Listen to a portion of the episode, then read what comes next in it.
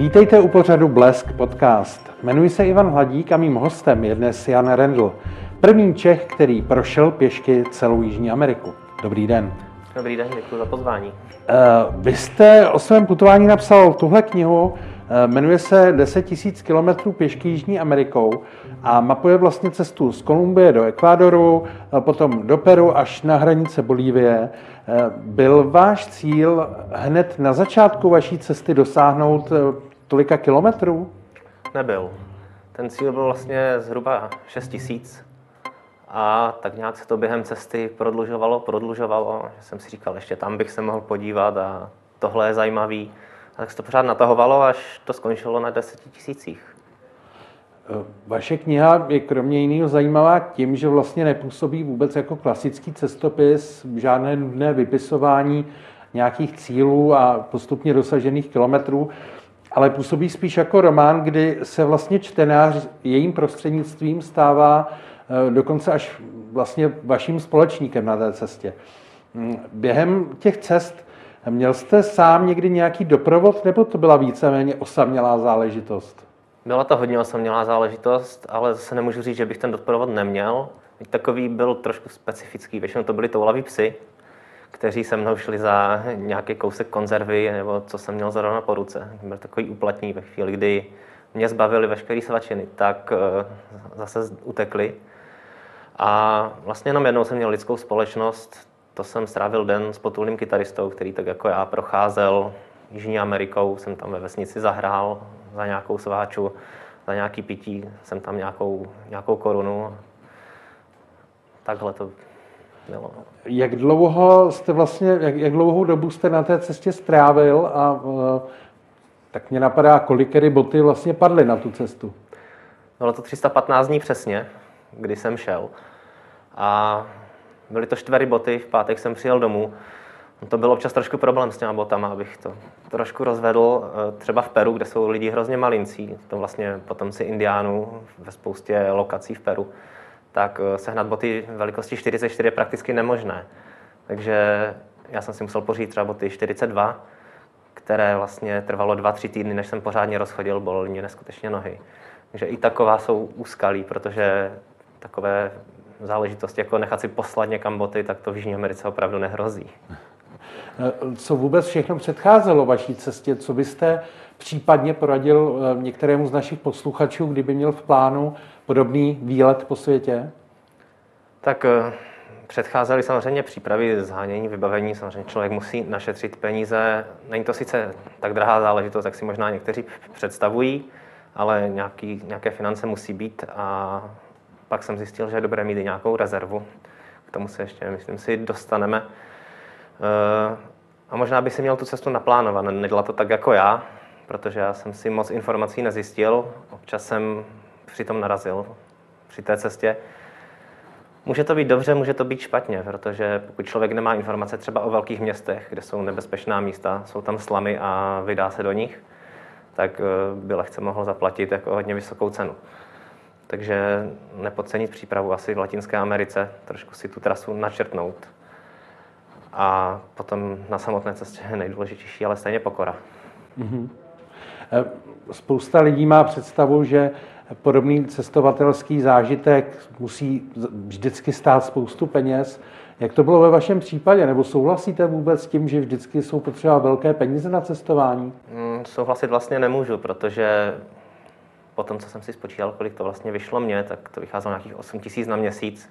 Samozřejmě to moje cestování není náročné, spím převážně ve stanu, eh, stravoval jsem se když už tak v místních restauracích eh, nebo prostě jenom nějakýma konzervama, pečivem, vlastně vším, co se dalo sehnat. Ono to není úplně jednoduché v nějakých zapadlých peruánských, bolivijských vesničkách sehnat eh, čtyřchodové menu.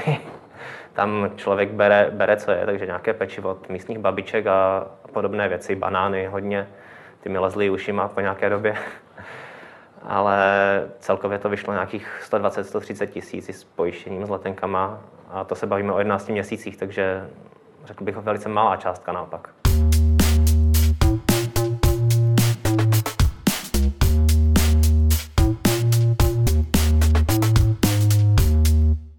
Ve své knize zmiňujete i několik českých stop, na které jste při cestě narazil.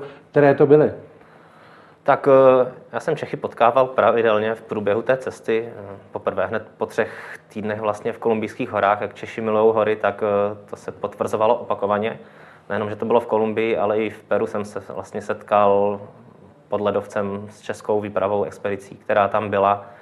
A pak tam byly výraznější české stopy, například v Ekvádoru, kde Češi založili pivovar a českou hospodu. Dneska už jsou dokonce dvě, že se jim daří. Takže i ta podnikatelská stopa eh, v té Jižní Americe je, jsou velice úspěšní, což samozřejmě jako Čecha vlastně se těší, vaří vlastní české pivo pro jeho Američany a snaží se ho rozšířit do světa, což je strašně super. Že zrovna pivo je to, na co můžeme být hrdí. Když jste potkal některé ty místní lidi, věděli, kde je Česká republika? Moc ne. a znali nějakého Čecha, kromě uh, místního sládka? Pokud, pokud už teda znali Českou republiku, tak uh, znali fotbalisty. Myslím si, že Petr Čech zrovna byl z těch, jako, které, kteří jim něco říkali, ale jinak většinou se ptali, jestli je, nebo to bylo tak, Česká republika jako začali přikivovat, že ví a následně se zeptali, jestli je to ve Spojených státech. A jsem tam znali Československo, teda ti starší ještě z fotbalových mistrovství světa a podobných. Um, takové cestování určitě přináší, kromě takových příjemných a vtipných situací, i nějaká rizika, nebezpečné okamžiky. Ehm, zažil jste taková? Bylo jich tam několik. To, ta první situace velice nepříjemná přišla v Kolumbii, kdy jsem si ustlal vedle nějakého statku, kousek, kousek za plotem. Ty vlastně místní lidi, kteří tam žili, tak probudili jejich psy. A najednou jsem měl vedle stanu, když jsem stan otevřel, tak na mě mířila brokovnice. Naštěstí jako naznali, že nejsem zloděj, který se vydává okrást. Tam zrovna byla velice složitá situace s venezuelskými uprchlíky, takže to nebylo tak, že by mi chtěli ublížit, ale spíš, že ze mě měli strach. Když zjistili, že nejsem nebezpečí, tak, tak mě zase nechali v klidu být. A pak je tam samozřejmě nebezpečí, které hrozí když se člověk vydá sám na ledovec. Já jsem si tu cestu obzvlášňoval uh, různými výstupy. A potom samozřejmě jedovatí hadi, ze kterých já mám panickou hrůzu. Takže, a že je to možná iracionální ten strach. Že, že reálně mi to nebezpečí nehrozilo, ale já jsem ho viděl skoro všude, jak se přede mnou něco pohnulo, tak ježiš, to bylo oheň na střeše. Co vás naopak eh, překvapilo mile? Uh, nevím, jestli mě to úplně překvapilo, protože předtím už jsem trošku cestoval, takže jsem věděl, že místní lidi často bývají velice vstřícní. Každopádně asi jsem to nečekal v takové míře, v jaké to bylo. Jsem byl varován, že Jižní Amerika je velice chudá, že ti lidi se tak často nepodělí jako třeba v jiných koutech světa. Ale opak byl pravdou. Jsem byl opakovaně vlastně hostem v domácnostech, eh, ať už indiánů, původního indiánského obyvatelstva v horách, tak v různých vesničkách, kde už bylo to obyvatelstvo smíšené se španělskými přistěhovalci. Ale díky tomu jsem se vlastně dostal blíž, blíž k těm tradicím, k tomu, jak vůbec jako žijou ti obyčejní lidé. Hrál jsem si často s dětma vlastně, získal jsem si velice silný vztah, takže vůbec jsem nečekal, že se dokážu dostat takhle blízko k těm lidem, že budou takhle otevření, jako vůči mě byli. Taková naše typická představa o Kolumbii je, že je to místo, které přetéká přímo drogami.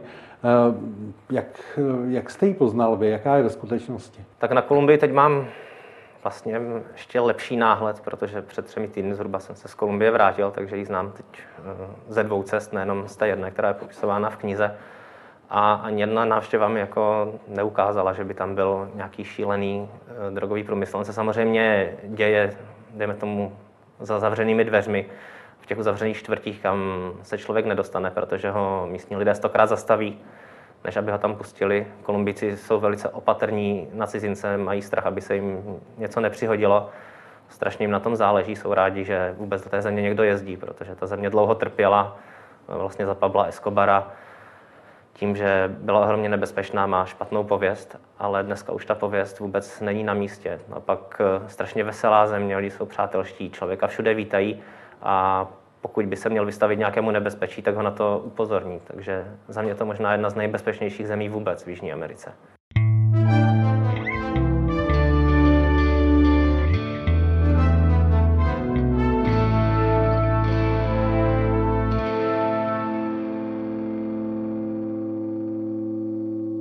Teď zpět k té praktické stránce.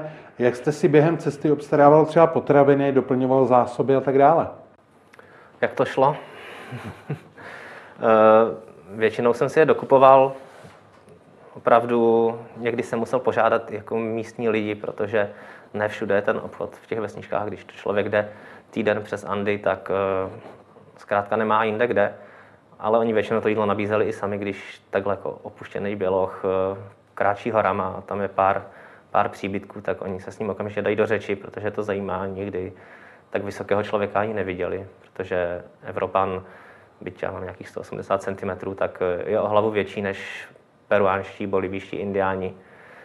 Takže většinou ta pohostinnost přicházela od těch lidí, by se na to nedalo spoléhat. Vždycky jsem měl nějakou rezervu a když už bylo nejhůř a veškeré jídlo došlo, tak jsem měl vždycky pitlíček koky, kokových listů, která potlačuje hlad, člověku dodává nějakou energii a na tom se dalo, na tom, na tom se dalo vlastně vydržet nějakou dobu. Už jste to vlastně zmínil, že mezi ta méně příjemná setkání můžou, můžou patřit ta třeba s nějakým zvířetem, hmm. konkrétně u vás to byly hadi, ale ve své knize zmiňujete i takzvaného banánového pavouka, eh, který je strašákem vlastně i v tuzemských obchodech, eh, čas od času se někde objeví. Vy tam píšete, že kromě toho, že je to asi nejedovatější pavouk světa, uvádíte, že neurotoxin obsažený v jedu tohoto pavouka způsobuje mužům minimálně několik hodin trvající erekci. Tak mě napadlo, ehm, takový znalostí by se vlastně dalo využít v nějakém výnosném biznesu. Nenapadlo vás, že po svém návratu si otevřete třeba farmaceutickou společnost? Jo, já jsem nad tím teda takhle nepřemýšlel, protože podobný problém ve svém věku ještě nemusím řešit. Ale máte pravdu, no. Eh, možná se můžeme domluvit, že přejdeme do jiného odvětví tady po rozhovoru. Eh, zase zvážníme. Eh, vy jste poznal vlastně na té cestě spoustu lidí odlišných kultur. Je nějaký prvek, který ale máme podobný s nimi, něco, co nás spojuje, a naopak, co je to, v čem jsou naprosté rozdíly mezi námi a třeba lidmi v Jižní Americe? Hmm. Tady je potřeba říct, že každý národ v Jižní Americe je úplně jiný. A ten, který je nejvíc podobný, jsem našel právě tam, kde bych ho čekal asi nejméně, a to bylo v Bolívii. Je potřeba uvést, že Bolívie je vlastně jediná země, kde ještě do dneška dominantní indiánské obyvatelstvo, znamená víc jak 50% je opravdu původních indiánů. A paradoxně právě ti svojí povahou, takovou překvapivě možná trošku introvertní na Jižní Ameriku a určitou rezervovaností, tak eh, si myslím, že jsou nám docela podobní. Bylo to tak, že když už jsem někam přišel, tak eh, mě tak jako pozorovali po očku, po maloučku, až třeba po půl hodině, po hodině, co jsem strávil ve vesnici, tak eh, se za mnou vydali. A pak ale s nima ten rozhovor trval třeba 3-4 hodiny, byl velice hluboký, eh, strašně jim záleželo na tom toho člověka poznat důkladně, což si myslím, že je takový společný rys, který mají Bolívíci právě, právě z Čechy. Naproti tomu Peruánci, Kolumbíci byli takový rozjuchaní, abych to řekl, hned táhli člověka na pivo, ale ten rozhovor s nima neměl takovou hodnotu. Bylo to více povrchní, samá sranda, samý úsměv, ale nedozvěděl jsem se o nich tolik. Takže to jsou asi, asi ty rozdíly a podobnosti zásadní. Kromě spousty zajímavých vzpomínek, přivezl jste si taky nějaký hmotný suvenýr? To je těžké, když jde člověk s batohem, aby si do něj ještě něco přibalil. Nicméně já jsem si ze spousty míst vlastně bral takové ty obyčejné, obyčejné náramky pletené, takže vždycky nějaké místo, které se mi zalíbilo, tak eh, jsem podpořil nějakou lokální výrobkyni a, a vždycky jsem si nechal naplést ten náramek na ruku, teda rovnou. To je to jediné. Kdybyste měl vypíchnout jeden jediný okamžik z celé té cesty, který by to byl? To je taky hodně těžké, ale asi nejsilnější stopu ve mně zanechalo nejvýše položené město na světě, peruánská La Rinconada. Eh, to je město, které vyrostlo v posledních letech. Původně to byla vlastně jenom osada v blízkosti Zlatých dolů, vysokohorských Zlatých dolů, které jsou přímo v ledovci. Eh, začalo se ohromně rozrůstat a právě kvůli té nadmorské výšce, špatné dostupnosti, tak eh, v tom městě nefunguje svoz odpadu. Je tam obrovská kriminalita, tím, že horníci hodně pijou, tak je tam spousta hospod.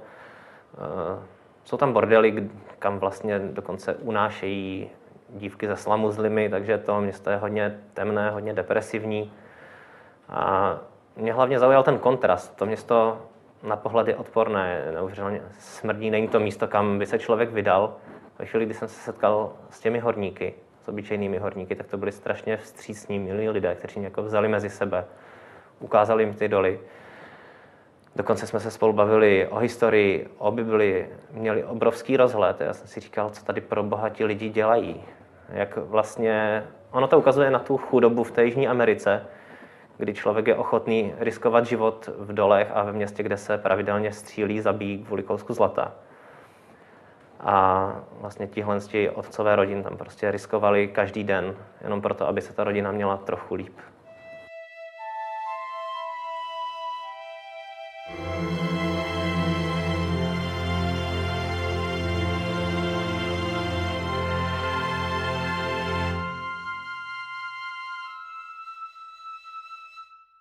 Pro vydání se teď připravuje pokračování téhle první knihy. Co vy máte už v plánu i teď v té nejednoduché době, co se týče cestování, nějakou další výpravu? Eh, výpravu mám v plánu, samozřejmě nepřestanu asi cestovat, ale že by byla nějaká určitá, tak to se říct nedá. Je to spíš takové, kam mě koronavirus pustí, tak eh, tam se vydám. Eh, vy jste mi prozradil vlastně před rozhovorem, že i část vaší cesty Eh, stihl ovlivnit koronavirus po celém světě. Jaký reakce a přístup eh, k té epidemii různě ve světě jste vlastně zažil a jak přesně ovlivnil tu vaši cestu? Tak pokud se budu bavit vlastně o téhle jihoamerické cestě, o tom přechodu, tak to mě zasáhl až úplně na konci, jsem vlastně byl už v Chile kousek od té desetitisícové hranice, kterou jsem urazil. A ten přístup v tu chvíli byl strach místních lidí. Do Jižní Ameriky dorazil koronavirus až úplně naposled po Evropě. Eh, oni věděli z těch zpráv, že se to šíří z Evropy, tak jim to bylo předkládáno. Znamená, ve chvíli, kdy viděli Evropana, tak eh, měli strach, že jsem někdo, kdo tam zatáhl a začali být mnohem rezervovanější, než vlastně byli předtím. Je to pochopitelné. Většinou je pak uklidnilo, když jsem vytáhl pas, ukázal jsem razítka, že už jsem vlastně měsíce, dlouhé měsíce v Jižní Americe protože pak už vlastně byly problém s ubytováním, já jsem měl problém sehnat eh, před odletem vůbec hotel. Takže často jsem si nějaký zarezervoval a napsali mi, že Evropana teda už bohužel neubytujou. Takže no, taková hořká dohra, takový hořký konec, eh, byl to problémy s návratem, kdy mi byl zrušen let, pak přišla nějaká repatriace ve spolupráci s ambasádou. Takže úplně jsem neměl radost z toho, z toho úspěchu, že jsem přešel kontinent. Eh, tady právě v tu dobu, kdy se vraceli cestovatelé ze světa, tak eh, spousta hm, Čechů eh, se na to dívala špatně z toho důvodu, že vláda vypravovala lety, které tedy letaly zdarma pro ty turisty. Jak to bylo ve vašem případě? Tak v mém případě to právě takhle nebylo. A o tom bych si mohl nechat jedně zdát. Naopak letadlo, které vlastně vypravovala rakouská vláda ve spolupráci s Českou ambasádou, tak eh, bylo třikrát dražší než, než ta původní moje letenka. Takže to není tak, jak, jak to bylo prezentováno často asi v médiích. Já nevím, nesledoval jsem to v té době úplně. Hmm. Ale je pravda, že eh, podobná cesta je taky o určitým nepohodlí, kdy se člověk musí zříct výdobytku civilizace, jako jsou teplá sprcha, vyhřátá postel a tak dále. Eh, co bylo úplně to první, na co vy jste se těšil doma, anebo co jste si dopřál, když jste se vrátil? Já jsem se těšil na pivo a svíčkou a to mi bylo samozřejmě zapovězeno, protože bylo všechno zavřené, když jsem se vrátil. Mě přivezli policajti v oblecích tenkrát z hranice. Ale to první, co jsem si dal, tak byl panák Slivovice. Dobře, a teď ještě na úplný závěr. Jak byste čtenáře pozval ke své knížce 10 000 km pěšky Jižní Amerikou? Proč by si ji měli přečíst? Já myslím, že v téhle době se to úplně nabízí. Nikam moc nemůžeme, tak eh, tohle je ideální způsob, jak vycestovat aspoň, aspoň v obrázcích a, a v knize. Děkujeme za návštěvu. Já moc děkuji za pozvání. Vám děkujeme za to, že jste i dnes byli s námi a těšíme se s vámi opět na shledanou.